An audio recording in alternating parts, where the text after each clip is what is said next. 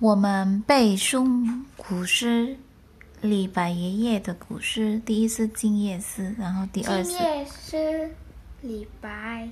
床前明月光，疑是地上霜。举头望明月，低头思故乡。嗯，然后第二的是《望路上瀑布》。